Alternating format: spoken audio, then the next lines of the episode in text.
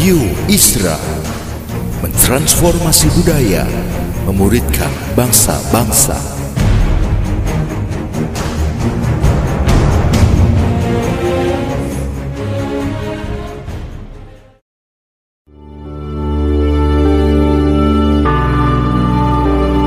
Apostolic Prophetic Messages mengungkapkan pesan dan arahan dari hati Tuhan bagi gerejanya demi menuntaskan mandat kerajaan Allah di Indonesia dan bangsa-bangsa. Selamat mendengarkan.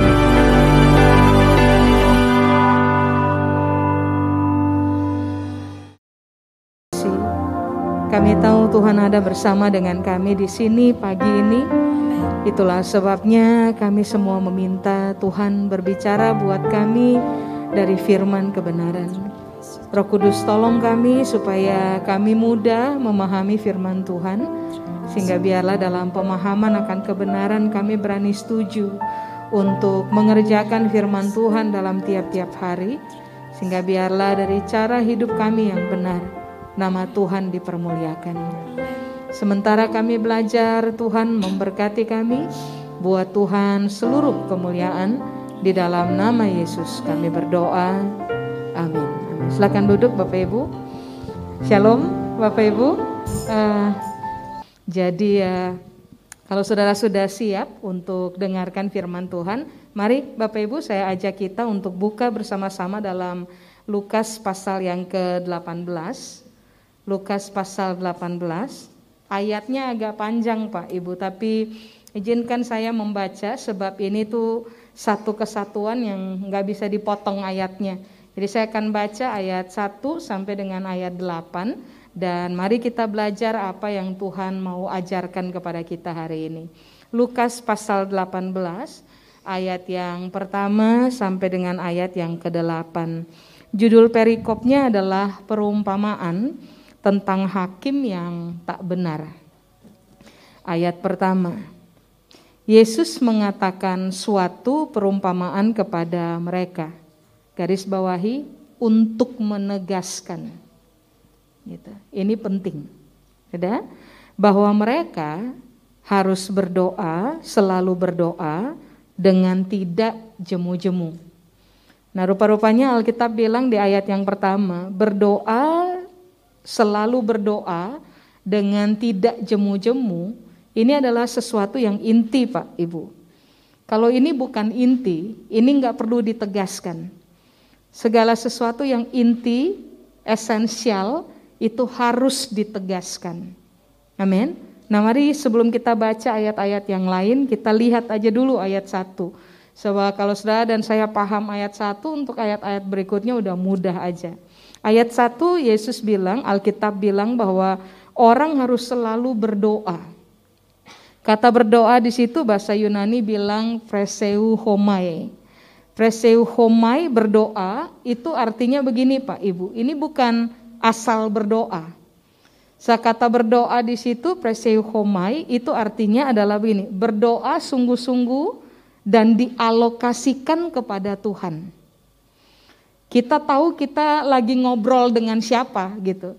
Dan waktu kita ngobrol dengan Tuhan, obrolan ini bukan obrolan sambil lalu Pak Ibu. Sebab obrolan ini, ingat Yesus menegaskan bahwa obrolan ini harus kontennya adalah sungguh-sungguh. Isi penekanannya harus sungguh-sungguh. Kata berdoa, pengertian yang kedua adalah permohonan. Kita berbicara kepada Tuhan sungguh-sungguh, tapi kita juga perlu memohon kepada Tuhan dengan konteks sungguh-sungguh. Kata berdoa punya arti juga adalah begini, menempatkan pengharapan. Proseu eh, homai. Jadi Yesus lagi bilang, ini ini sebuah penegasan bahwa orang perlu berdoa, orang perlu memohon kepada Tuhan, orang perlu menggantungkan pengharapan mereka sungguh-sungguh hanya kepada Tuhan. Nah, yang menarik, Kata berdoa di situ, pengertian yang terakhir keempat adalah begini, menyembah. Ayo coba saudara perhatikan. Antara berdoa, memohon, berharap, dan menyembah, itu menjadi satu kesatuan. Berarti Alkitab bilang, siapa menyembah Tuhan akan selalu ditemukan sebagai orang yang akan bersungguh-sungguh berbicara kepada Tuhan. Siapa menyembah Tuhan akan ditemukan sebagai orang-orang yang hanya akan menggantungkan pengharapan kepada Tuhan. Siapa mengaku sebagai pribadi yang menyembah Tuhan, harusnya mereka akan ditemukan sebagai orang-orang yang begini, memohonnya kepada Tuhan aja ini ini penting Pak Ibu. Kebanyakan orang bercerita kepada orang lain, menggantungkan harapan kepada orang lain, memohon kepada orang lain, bahkan sometimes dalam hidup, kadang-kadang dalam hidup, orang menyembah orang lain untuk mendapatkan apa yang mereka mau. Secara ini yang Alkitab ajar, nggak bisa. Orientasinya harus kepada Tuhan. Berbicara, memohon, menggantungkan pengharapan kepada Tuhan, karena dari awal kita sudah memutuskan bersama dalam sebuah kesadaran bahwa hanya kepada Dia kita menyembah. Amin. Nah, ini yang Alkitab bilang di ayat yang pertama, selalu berdoa, garis bawahi, tidak jemu-jemu. Kata jemu di situ Bapak Ibu, Yunani bilang ekakeo. Ekakeo itu arti yang pertama adalah begini, menjadi lemah Berarti Alkitab lagi bilang, kalau kamu berdoa, jangan menjadi lemah gitu. Kekuatan doa, jadi orang yang berdoa harusnya ada pada posisi begini, tidak melemah. Waktu saudara menggantungkan pengharapan kepada Tuhan, menyembah Tuhan, mengajukan permohonan kepada Tuhan, itu harus ditemukan konsisten. Tetap ada pada posisi kuat, tidak melemah Pak Ibu. Karena Yesus menegaskan berdoa tidak boleh berjem, uh, tidak tidak boleh ada pada posisi jemu. Nah, menjadi lemah itu pertama. Yang kedua, tidak bersemangat lagi. Berarti Alkitab lagi memberitahukan kepada kita bahwa waktu orang menyembah Tuhan, waktu orang menggantungkan pengharapan kepada Tuhan, waktu orang memohon kepada Tuhan, waktu orang e, berdoa kepada Tuhan, awalannya pasti semangat. Awalannya pasti kuat. Kenapa orang jemu? Karena itu tuh Alkitab bilang, dari kekuatan, dari kuat, menurun, menurun, menurun menjadi lemah. Dari yang diawali dengan semangat yang menggebu-gebu, menurun, menurun, menurun menjadi tidak ada semangat lagi. Nah, saya jelaskan dulu pengertian yang ketiga. Kata jemu atau ekakeo artinya adalah begini, lelah. Lelah di dalam rasa, lelah di dalam pikiran. Coba, mari kita bicara realita aja dulu Pak, Ibu. Dalam realita tiap-tiap hari, waktu kita berhadapan dengan firman Tuhan, waktu kita ada di gereja, waktu kita terlibat dalam pelayanan, tampaknya adalah begini, masalah terselesaikan. Tapi waktu saudara dan saya berhadapan dengan hidup tiap-tiap hari, kita akan berhadapan dengan masalah-masalah nyata yang kadang-kadang ini, ini yang ini yang eh, kita hadapi kan, yang kadang-kadang begini, nggak selesai-selesai. Sudah berdoa, sudah menggantungkan pengharapan kepada Tuhan, sudah declare, sudah menyatakan bahwa apa pun yang terjadi saya akan tetap menyembah Tuhan. Tapi yang yang yang harus kita akui adalah begini. Terkadang karena masalahnya besar, eh, bebannya berat, apa yang kemudian terjadi di dalam kita adalah kita lelah secara perasaan. Kita lelah juga dalam pikiran. Kelelahan ini berkaitan dengan konsep begini kan, Bapak Ibu. Sudah minta bertahun-tahun, kok nggak dapat? Sudah memohon kepada Tuhan bertahun-tahun, kenapa nggak ada pertolongan? Berharap jalan terbuka, tapi ternyata di depan mata realitanya adalah jalan nggak kebuka. Di tahap awal kita sangat bersemangat, bayangkan tuh, kita tahu Tuhan pasti tolong, tapi realita di depan mata memberitahukan kepada kita, pertolongan nggak ada.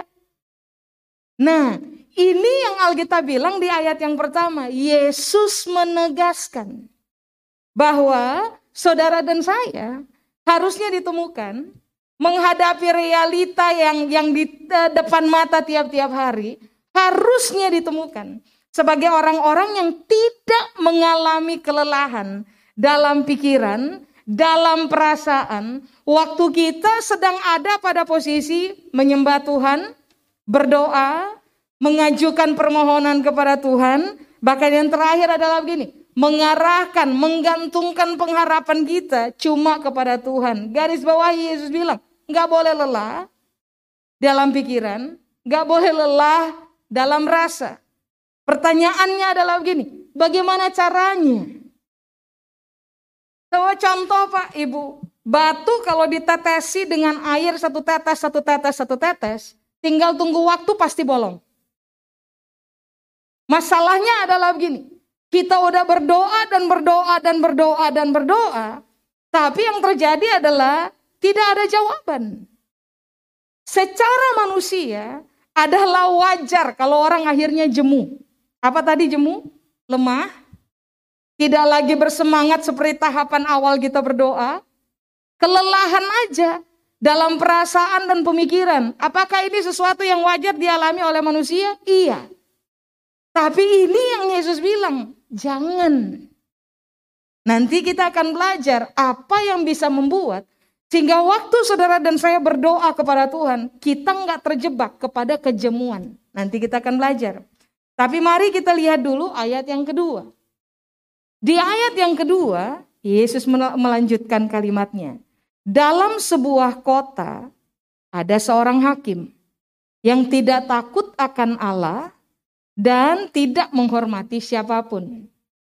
Dan di kota itu ada seorang janda yang garis bawahi selalu datang. Kata selalu saudara harus garis bawahi. Ayat pertama mengangkat kata selalu. Ayat ketiga mengangkat kata selalu. Satu kata atau dua kata tertentu yang Alkitab tulis dan diulang lebih dari uh, bisa dua kali, bisa lebih dari dua kali adalah kata penting yang saudara dan saya harus soroti. Sudah? Ayat 3 Alkitab bilang, dan di kota itu ada seorang janda yang selalu datang kepada hakim itu dan berkata, belalah aku terhadap lawanku.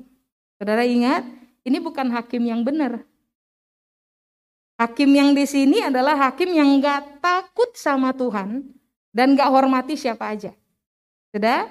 Ada janda datang tiap hari selalu untuk meminta bela aku terhadap lawanku. Ayat 4. Beberapa waktu lamanya hakim itu nolak. Alasannya dia nggak takut sama Tuhan dan dia nggak hormat sama siapa pun. Wajar kalau di didatangi terus menerus dia akan nolak terus menerus. Dan beberapa waktu lamanya hakim itu menolak. Tetapi kemudian ia berkata dalam hatinya, Walaupun aku tidak takut akan Allah dan tidak menghormati seorang pun, namun karena janda ini menyusahkan aku, coba. Nggak tahan itu, didatangi tiap hari dan kata yang dipakai adalah selalu, nggak tahan aja. Dan karena janda itu menyusahkan aku, baiklah aku membenarkan dia supaya jangan garis bawahi terus saja ia datang Coba bayangkan Pak Ibu, udah ditolak. Ini kejadian tiap hari, selalu datang. Dan Alkitab bilang, terus ditolak. Tapi di ayat 5, ini hakim bicara realita tentang si janda. Bahwa ia terus saja datang. Padahal ulang, ditolak tiap kali. Coba, Berarti Alkitab lagi memberitahukan kepada kita ada sebuah konsistensi yang dikerjakan. Tidak ada yang disebut dengan yang tadi saya bilang dari awal, kata jemu. Ditolak satu kali, orang bisa datang besoknya. Ditolak dua kali, orang bisa datang lusanya.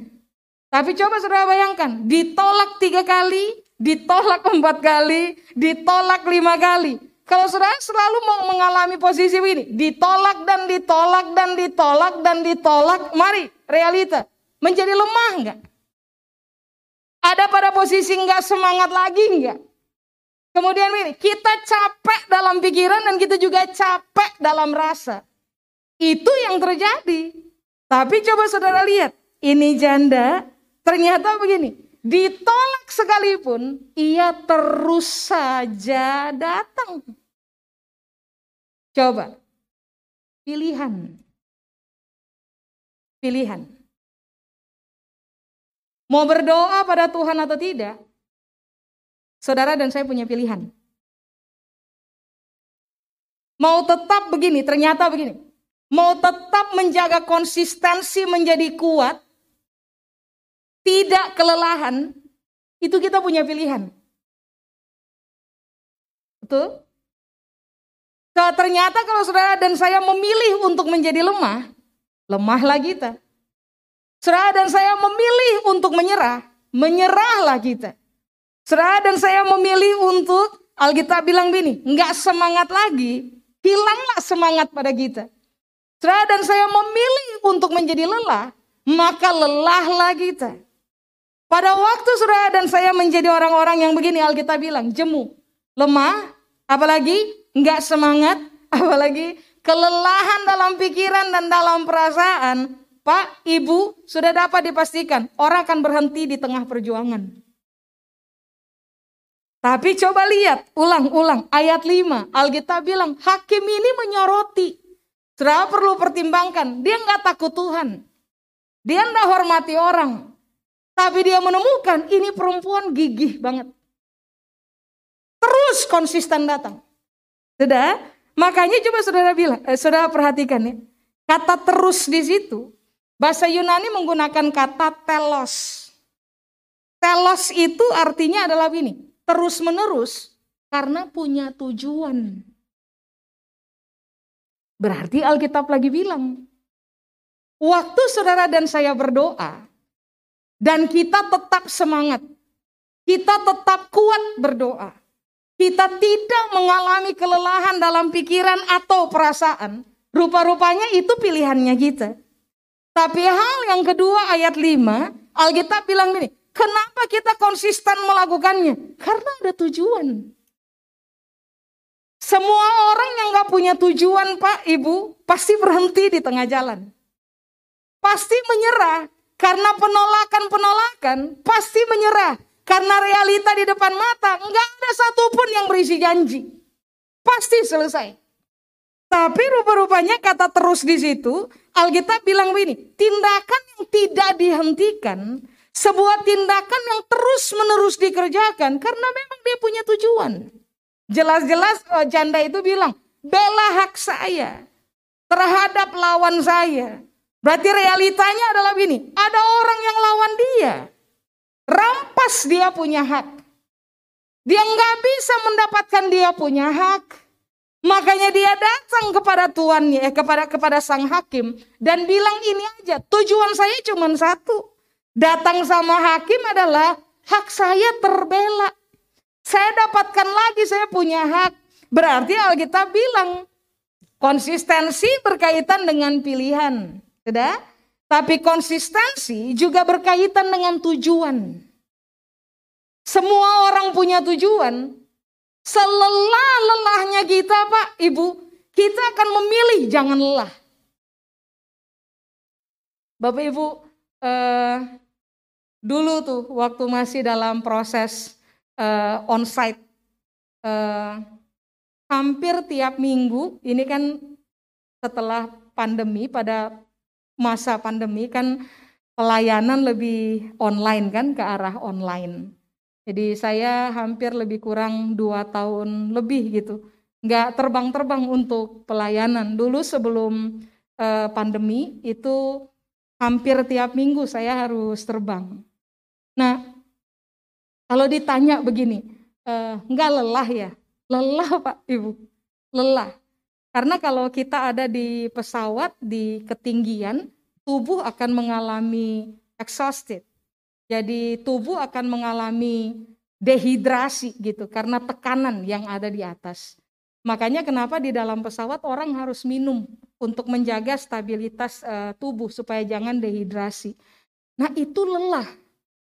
Terbang itu melelahkan. Apalagi kalau harus bangun pagi-pagi dan kemudian nongkrong di airport untuk kepentingan terbang. Nah, terbang aja udah lelah, apalagi pelayanannya gitu. Karena eh, saya pernah terbanyak satu kali itu harus berkhotbah dalam satu hari tujuh kali di satu gereja. Jadi kebaktian pertama, kedua, ketiga, empat sampai ketujuh. Saya bisa keluar keluar dari kamar tempat saya menginap di kota tertentu, keluar dari jam 6 pagi baru masuk kamar lagi jam 9 malam. Itu tuh exhausted, itu sangat melelahkan. Tapi kan begini, di dalam kelelahan itu ada tujuan yang harus dicapai. Itu yang membuat selelah-lelahnya saya Pak Ibu. Misalnya masih ada jedah waktu untuk istirahat. Pulang berbaring kira-kira 10, 3-30 menit. Berbaring sebentar, kemudian waker berbunyi harus bangun lagi, mandi lagi, pergi lagi pelayanan. Kalau ditanya lelah, lelah. Cuman kan sekarang begini. Kenapa memutuskan untuk tidak menjadi lelah? Karena ada tujuan yang mau dicapai. Tujuannya adalah begini Kabar baik harus diberitakan. Kebenaran dari Tuhan harus diberitakan. Kelelahan kita akan bisa menghadapinya karena kita memiliki tujuan. Nah, sekarang coba saudara pertimbangkan secara pribadi. Tujuan berdoanya apa? Pilihan kita, kita memilih untuk berdoa kepada Tuhan Pilihan ini lahir karena tujuan apa? Gitu. Tujuannya harus ditetapkan.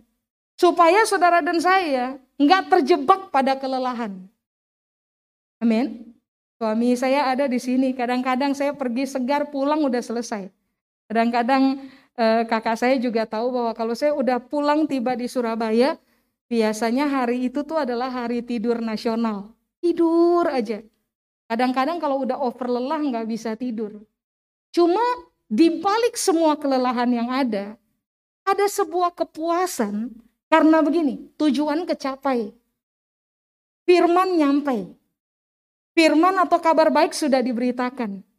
Lelah iya, tapi kelelahan tidak menghentikan untuk menyampaikan kabar baik. Nah Alkitab bilang ini janda tidak kelelahan karena dia punya tujuan. Hak saya saya harus dapat. Sudah? Oke. Lalu mari kita lihat di ayat 6. Saudara perhatikan. Ayat pertama tadi bilang apa? Yesus memberi penegasan. Sudah? Ayat 1. Sekarang lihat ayat 6. Kata Tuhan, Camkanlah apa yang dikatakan hakim yang lalim itu. Camkan. Camkan. Apa yang dikatakan oleh hakim yang lalim? Baiklah aku membenarkan dia. Tahukah saudara bahwa kalau kita konsisten berharap kepada Tuhan, berdoa kepada Tuhan, lalu apa tadi? Memohon kepada Tuhan, lalu menyembah Tuhan, kalau kita konsisten, itu adalah sebuah tindakan benar di hadapan Tuhan. Ketiadaan konsistensi atau lebih tepatnya inkonsistensi adalah sebuah ketidakbenaran. Konsistensi yang saudara dan saya putuskan untuk kerjakan di hadapan Tuhan, rupa-rupanya si hakim bilang ini, ya udahlah karena dia udah ditolak berkali-kali dan dia tetap datang, ya sudah. Saya tidak bisa salahkan dia untuk tindakan yang sedang dia kerjakan. Pilihan yang akhirnya dimainkan oleh si hakim adalah ya udah, saya benarkan aja udah. Dengan cara begini, kabulkan dia punya permintaan. Mengapa? Ada konsistensi yang gak bisa dilawan. Makanya kenapa uh, di ayat 6 Tuhan bilang camkan apa yang dikatakan oleh itu hakim lalim. Dia nggak takut Tuhan, dia nggak hormati orang, dia lalim, tapi dia nggak bisa lawan konsistensi. Halo? Dan Yesus bilang, realita itu kamu camkan. Bahwa orang yang konsisten akan selalu dibenarkan. Ya, ayat 7. Setelah Yesus bilang, camkan apa yang dikatakan oleh Hakim Lalim. Di ayat 7, ini yang Yesus bilang.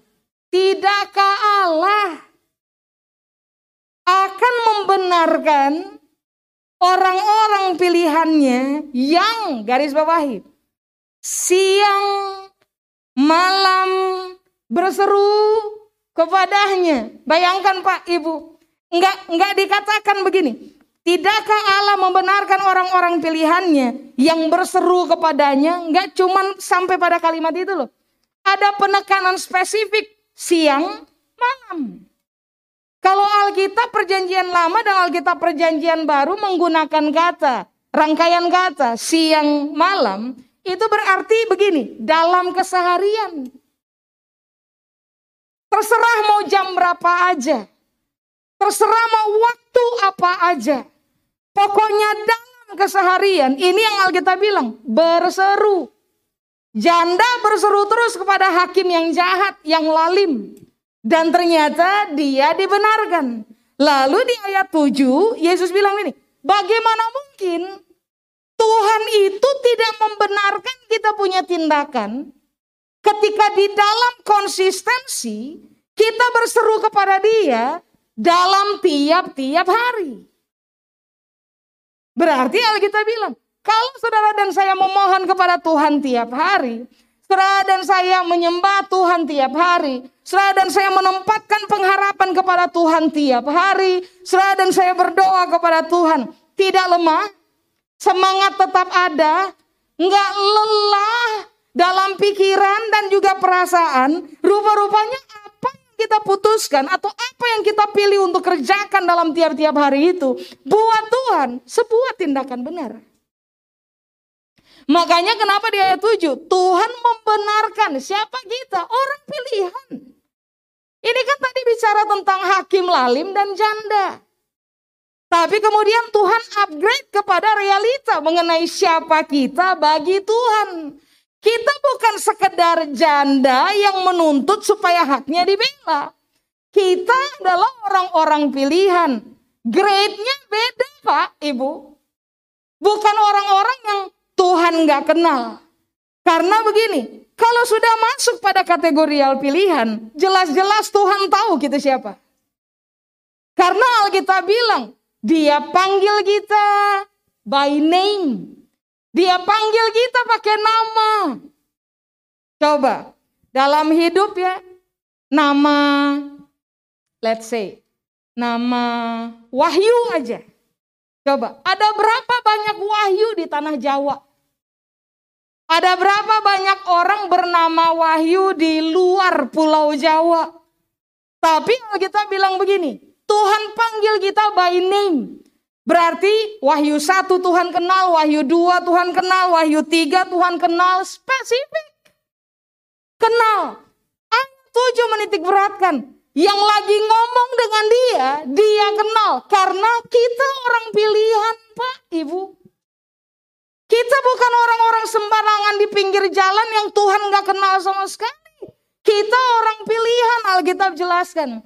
Tapi pada kategori yang sebagai orang pilihan, saudara dan saya harus dikenal sebagai orang-orang yang terbiasa konsisten. Dalam persoalan apa coba? Berdoa. Apakah berdoa tadi? Berdoa kepada Tuhan, memohon kepada Tuhan, meletakkan pengharapan kepada Tuhan, menyembah Tuhan, tidak lemah, tidak tetap bersemangat, tidak kelelahan dalam pikiran dan juga dalam perasaan. Waktu kita memilih melakukannya tiap-tiap hari. Alkitab bilang, saya kenal kamu dan apa pun yang kamu kerjakan, saya benarkan. Itu Tuhan bilang loh Pak, Ibu. Amin. Sudah? Setelah dia ngomong itu lihat kalimat berikutnya di ayat 7. Dan adakah ia mengulur-ulur waktu sebelum menolong mereka? Coba saudara lihat, ini ayat 7 adalah ayat yang sedang memberitahukan kepada kita how special we are. Betapa spesialnya kita bagi Tuhan. Apalagi waktu saudara dan saya ditemukan, saya pribadi-pribadi yang tadi kita udah belajar ayat 1 sampai ayat 6. Konsisten aja. Konsisten aja berdoa. Rupa-rupanya semua orang pilihan Allah yang secara konsisten memilih untuk berdoa kepada Tuhan tiap-tiap hari kita bukan cuma dibenarkan, kita orang pilihan yang dibenarkan. Tetapi Alkitab bilang gini, adakah ia ngulur waktu untuk apa coba? Untuk tolong kita. Pernah nggak Tuhan ngulur waktu tolong kita? Nggak masuk akal kalau dia bermain ulur waktu. Kenapa coba? Kita ditemukan konsisten kok. Kita dibenarkan di hadapan dia. Kita adalah orang pilihan. Ada urusan apa dia ulur waktu tolong kita? Enggak ada urusan Pak Ibu. Berarti Yesus lagi bilang, selama kamu konsisten, tindakan kamu dibenarkan. Kamu adalah orang pilihan. Tidak mungkin Tuhan ulur waktu untuk tolong kamu. Amin. Masalahnya adalah begini. Kita pikir Tuhan berlama-lama. Kenapa saya sudah berdoa 20 tahun terakhir dan tidak ada jawaban lalu kita berpikir begini, Tuhan berlama-lama. Bapak Ibu, mungkin saudara menunggu 10 tahun, 20 tahun. Bayangkan, orang Israel yang ditindas di tanah Mesir. Itu Tuhan baru turun tangan setelah mereka mengalami penindasan lebih dari 400 tahun. Lalu orang bilang begini, ah Tuhan berlama-lama. Tidak. Dia hanya bekerja sesuai dengan dia punya waktu. Tidak ada kaitannya dengan kita punya waktu. Makanya mengapa sangat penting bagi saudara dan saya untuk memahami betul siapa Tuhan yang kita sedang memilih hari ini untuk menyembah. Yang kita memilih tiap-tiap hari untuk bicara sama dia dan mempersoalkan dan, dan, dan meng, mengungkapkan apa yang kita rasa dalam pikiran kita, bahkan di dalam rasanya kita. Nah Tuhan yang ini nih adalah Tuhan yang terikat dengan waktu yang telah dia tetapkan. Artinya dia tidak mungkin langgar dia punya waktu. Trauma minta dia jawab hari ini. Kalau hari ini bukan dia punya waktu untuk jawab saudara dan saya punya doa. Saudara dan saya tidak bisa paksa Tuhan dong. Halo? Ini aja yang kita harus pahami. Kalau toh hari ini dia belum jawab apa yang kita minta. Bukan berarti dia sedang mengulur waktu tolong kita. Coba kata mengulur Pak Ibu. Kata mengulur. Bahasa Yunaninya bilang makrotimeu. Makrotimeo itu artinya begini, menahan diri untuk berlama-lama. Dan Yesus bilang, Tuhan itu nggak mungkin tahan dirinya sendiri untuk lama-lama tolong kita. Ya, saudara masih ingat? Sekali waktu Yesus pernah bilang, Bapak mana yang anak minta roti kasih ular? Bapak mana coba? Kecuali Bapak yang hati nurani udah nggak ada. Kecuali Bapak yang tidak takut kepada Tuhan. Bisa jadi, somehow. Hari-hari terakhir ini Alkitab bilang manusia akan menjadi semakin jahat. Semakin mementingkan diri sendiri. Menolak kebenaran datang dalam kehidupan mereka. Tetapi realita tentang bapaknya kita, kita minta roti, tidak mungkin dia kasih ular. Artinya, saudara dan saya tetap prioritas. Makanya kenapa di ayat 7, ini yang Yesus berupaya kasih tahu kepada kita. Tuhan itu nggak mungkin tahan dirinya sendiri untuk lama-lama tolong kita. Contoh Pak Ibu, misalnya saya minta air, misalnya saya minta air. Saudara pasti, saudara pasti, ibu pasti akan kalau ada air di situ, ibu akan langsung berdiri dan kasih ke saya. Kalau saya minta air, ibu nggak mungkin ada air di ibu punya samping, dan ibu tunggu ah nanti aja saya malas aja berjalan dari situ ke sini ke, ke panggung. E, tunggu satu jam lagi. Tuhan nggak gitu mainnya, Pak Ibu. Dia nggak pernah, Alkitab bilang, dia tidak pernah menahan dirinya sendiri untuk lama aja, biarkan dia tunggu aja. Kadang-kadang kalau kita udah males ketemu orang, kita akan biarkan, udah biarkan aja lah, dia tunggu aja. Sampai saya bisa bangun baru nanti saya bangun dan temui dia. Kita mainnya gitu. Tuhan enggak. Dia enggak pernah tahan dirinya untuk tolong kita. Enggak pernah Pak Ibu. Dia enggak pernah tahan dirinya untuk berlama-lama. Memainkan waktu dan membuat kita tersiksa nunggu waktu datang. Bukan Tuhan itu. Tuhan tidak pernah menahan diri berlama-lama. Nah, kata mengulur itu makrotimeo, itu artinya adalah begini, menjadi lamban. Tuhan gak pernah lamban Pak Ibu. Realita tentang Tuhan adalah kalau ini dia punya waktu, dia mainnya cepat. Masih ingat persoalan Alkitab mencatat di perjanjian lama. Ratusan tahun orang-orang Israel yang tertindas di tanah Mesir berseru kepada Tuhan. Sampai pada satu titik, Tuhan bilang, udah waktu saya turun. Dan waktu dia turun, itu bangsa keluar aja dari Mesir. Dia punya permainan. Kalau waktu sudah tiba, dia kerjakan semua cepat dan selesai. Kemahiran Tuhan adalah menyelesaikan segala sesuatu. Makanya dia disebut dengan istilah Omega. Dia Alfa yang memulai segala sesuatu dan dia adalah Omega yang menyelesaikan segala sesuatu. Makanya Yesus bilang, bagaimana mungkin Tuhan ngulur waktu tolong kita. Itu nggak masuk akal, nggak mungkin. Amin. Hakim yang jahat aja langsung tolong janda. Gimana kita? Orang spesial, pilihan. Tuhan pasti akan tolong. Tapi tunggu dia punya waktu. Amin. Ayat terakhir. Aku berkata kepadamu, garis bawahi, ia akan segera, kata itu penting. Makanya tadi saya bilang, Tuhan gak terbiasa main lama. Dia kalau udah turun tangan, segala sesuatu selesai segera. Kata segera itu penting. Supaya saudara dan saya punya begini, punya sebuah keyakinan bahwa apa pun yang sedang kita hadapi di depan matahari ini, tinggal tunggu Tuhan punya waktu saja. Kalau Tuhan punya waktu tiba, apa pun yang kita lihat di depan mata nggak bisa terselesaikan, segera selesai. Amin. Aku berkata kepadamu, ia akan segera membenarkan mereka. Coba lihat kalimat terakhir. Akan tetapi, jika anak manusia itu datang Adakah ia mendapati iman di bumi? Kalau saudara pelajari dengan baik ayat 1 sampai dengan ayat 8, saudara akan menemukan bahwa konsistensi itu terjadi. Tadi kan saya sudah bilang, kenapa orang tidak lagi semangat berdoa? Kenapa orang mengalami kelelahan dalam pikiran dan juga di dalam perasaan? Kenapa orang menjadi lemah dalam hal berdoa. Benang merahnya ternyata memberitahukan kepada kita, kenapa orang kehilangan konsistensi?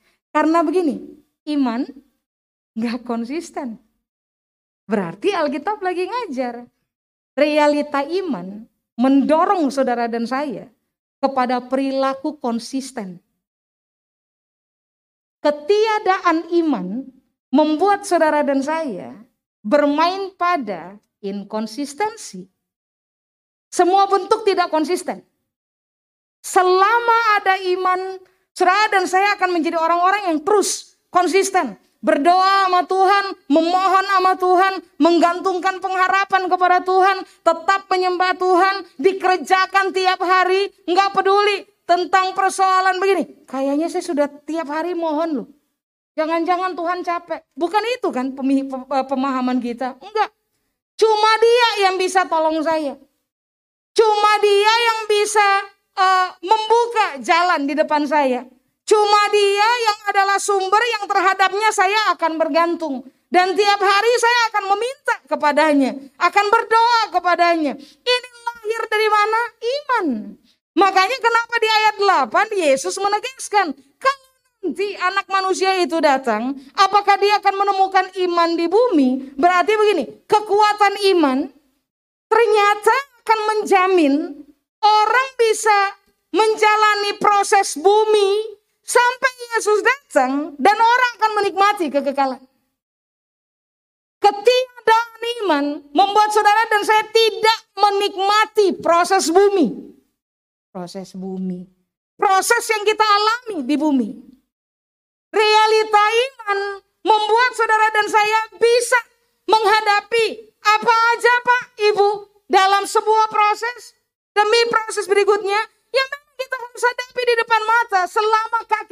kaki kita masih injak bumi. Makanya kenapa ini Yesus ajarkan kepada saudara dan saya dibutuhkan iman supaya saudara dan saya konsisten berkaitan dengan memahami bahwa cuma Tuhan yang bisa tolong. Coba, apakah iman?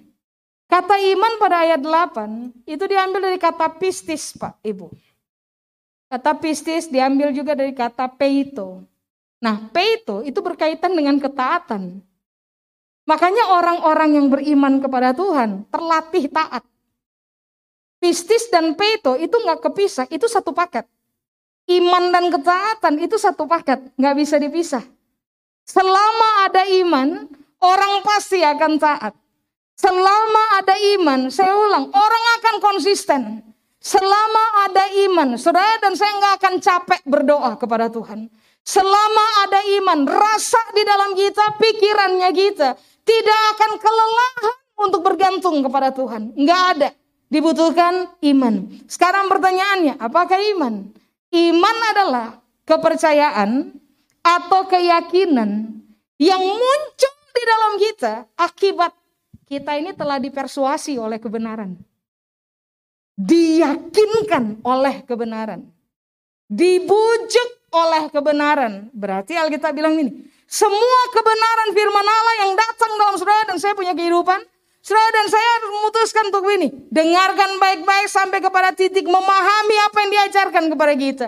Kalau saudara dan saya memahami apa yang diajarkan kepada kita, lalu kita setuju dengan kebenaran, itu berarti adalah ini. Kita telah memberi diri kita dipersuasi oleh kebenaran. Semua orang yang menyetujui kebenaran akan lahir keyakinan di dalam mereka. Nah itu iman. Berapa banyak saudara telah bersetuju dengan kebenaran firman Allah? Contoh, Tuhan adalah penolong. Seberapa jauh kita menyetujuinya?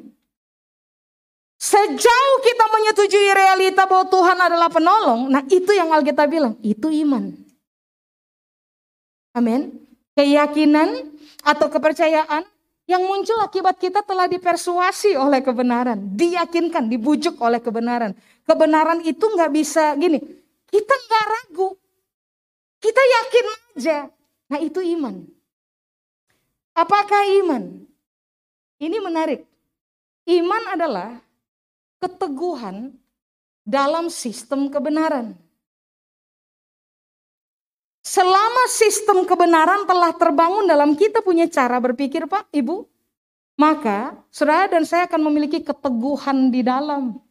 Yang tadi saya bilang, ketika ada iman, orang konsisten gigih, teguh, berpegang kepada apa yang kita yakini. Dan gak ada orang yang bisa goncang kita punya keyakinan. Itu iman. Karena sistem kebenaran telah terbangun di dalam kita. Nah apakah sistem kebenaran? Kalau Alkitab menyinggung tentang kata sistem kebenaran. Sistem kebenaran itu isinya adalah begini Pak Ibu. Prinsip benar, nilai benar, budaya benar, cara berpikir benar itu ada di dalam kita. Semua orang yang punya nilai benar di dalam mereka, punya prinsip benar dalam mereka, cara hidup benar, budaya benar, cara berpikir benar di dalam mereka. Saudara cek aja, orang-orang kayak gitu tuh adalah orang-orang yang berteguh hati untuk memegang apa yang Tuhan telah ajarkan kepada mereka. Nah itu iman. Makanya ketika kita berkata, kita kita orang beriman, coba perhatikan, teguh hati enggak? Konsisten tetap enggak? Menjadi orang-orang yang begini, sangat meyakini realita Tuhan enggak? Bahwa Tuhan pasti akan tolong saya. Kapan? Waktu Tuhan. Masih lama, enggak tahu. Tapi yang saya tahu adalah dia enggak akan lamban dan dia enggak akan berlama-lama menolong. Apa itu? Itu iman. Landasannya jelas. Sudah? Berikutnya, apakah iman? Pistis. Artinya adalah ini, kesetiaan untuk percaya. Karena adanya jaminan. Jaminan kita apa? Jaminan kita adalah Tuhan sendiri. Jaminan kita adalah perkataan Tuhan. Sebab Tuhan gak mungkin langgar dia punya perkataan. Itu iman. Makanya kenapa ini yang Yesus bilang. Nanti kalau anak manusia datang, apakah dia akan tetap menemukan bahwa saudara dan saya tetap konsisten mempercayai dia, meyakini dia, teguh di dalam dia, menjadi setia percaya kepada dia. Karena begini, ada sistem kebenaran telah terbangun di dalam kita. Dan juga kita bilang kita telah memiliki jaminan yang akan kita pegang. Amin. Itu iman. Sekarang begini, kenapa kita nggak lelah berdoa? Karena kita punya jaminan bahwa sebagai orang pilihan, kita dibenarkan oleh Tuhan.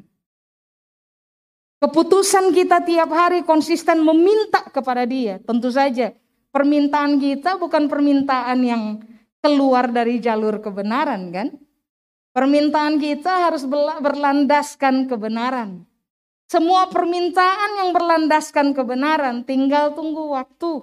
Dan saya pasti dapat. Masalah dari kebanyakan orang adalah nggak mau nunggu. Capek nunggu.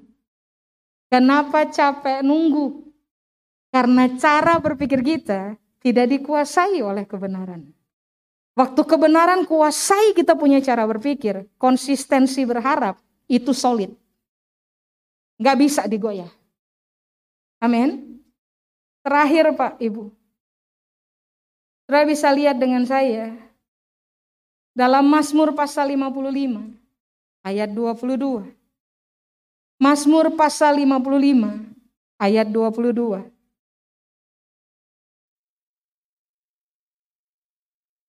Oh, 23 Pak Ibu. Minta tolong. 55 ayat 23. Ya. Di ayat 23 Sorry. Alkitab bilang, serahkanlah kuatirmu kepada Tuhan. Lihat kalimat berikutnya. Ngapain? Kuatir kok diserahkan kepada Tuhan? Pemasmur bilang, bahwa Tuhan yang pelihara kita. Sudah? Lalu lihat kalimat berikutnya tidak untuk selama-lamanya. Dibiarkannya. Orang benar itu goyah. Garis bawahi. Kita mengalami pembenaran dari Tuhan. Kita orang pilihan. Kita dipanggil sebagai orang benar. Orang benar bisa khawatir, bisa. Orang benar bisa goyah, bisa. Tapi lihat Alkitab bilang apa? Kalau kamu khawatir, kamu serahkan buat Tuhan. Sebab dia bakal pelihara kamu. Berarti kekhawatiran tergeser karena sebuah keyakinan bahwa hidup saya dipelihara. Itu iman. Lalu lihat, kekhawatiran menjebak orang pada posisi goyah. Tapi waktu orang berpegang kepada jaminan dari Tuhan bahwa Dia akan memelihara kita, realita yang kemudian terjadi dalam cara kita berpikir adalah ah karena Dia pelihara saya, tenda akan goyah. Kata goyah di situ bahasa Ibrani bilang mot. Mot itu artinya begini. Terhuyung-huyung dalam hidup. Mengalami goncangan dalam hidup sehingga kita nggak bisa berdiri lagi. Rupa-rupanya Alkitab bilang, jaminan kita Tuhan memelihara. Jadi hidupnya kita nggak mungkin terguncang hebat sampai kita nggak bisa berdiri lagi. Karena dia memelihara kita. Ra dan saya nggak mungkin terhuyung-huyung, jatuh dan nggak bisa bangun lagi. Itu nggak mungkin. Alasannya Tuhan memelihara. Kebenaran ini jaminan. Siapa pun yang berpegang kepadanya, mereka akan disebut sebagai orang-orang yang hidup dalam iman. Siapa pun yang hidup dalam iman, sederhana, mereka akan tetap konsisten berdoa. Siapa saja yang konsisten berdoa, ah ini yang akan kita lihat. Tuhan pasti tolong kita. Dalam dia punya waktu, dan dia tidak mungkin lama-lama menahan dirinya, tolong kita. Amin. Saya selesai Bapak Ibu. Saya ajak saudara untuk bangkit berdiri. Mari kita datang kepada Tuhan. Saya berharap saudara masih ingat lagu ini lagu lama. Tapi kalau saudara bisa kita akan nyanyi sama-sama. Tak usah ku takut, Allah menjagaku. Saudara tahu lagi itu? El Shaddai, El Shaddai. Oke, mari kita nyanyi. Silahkan.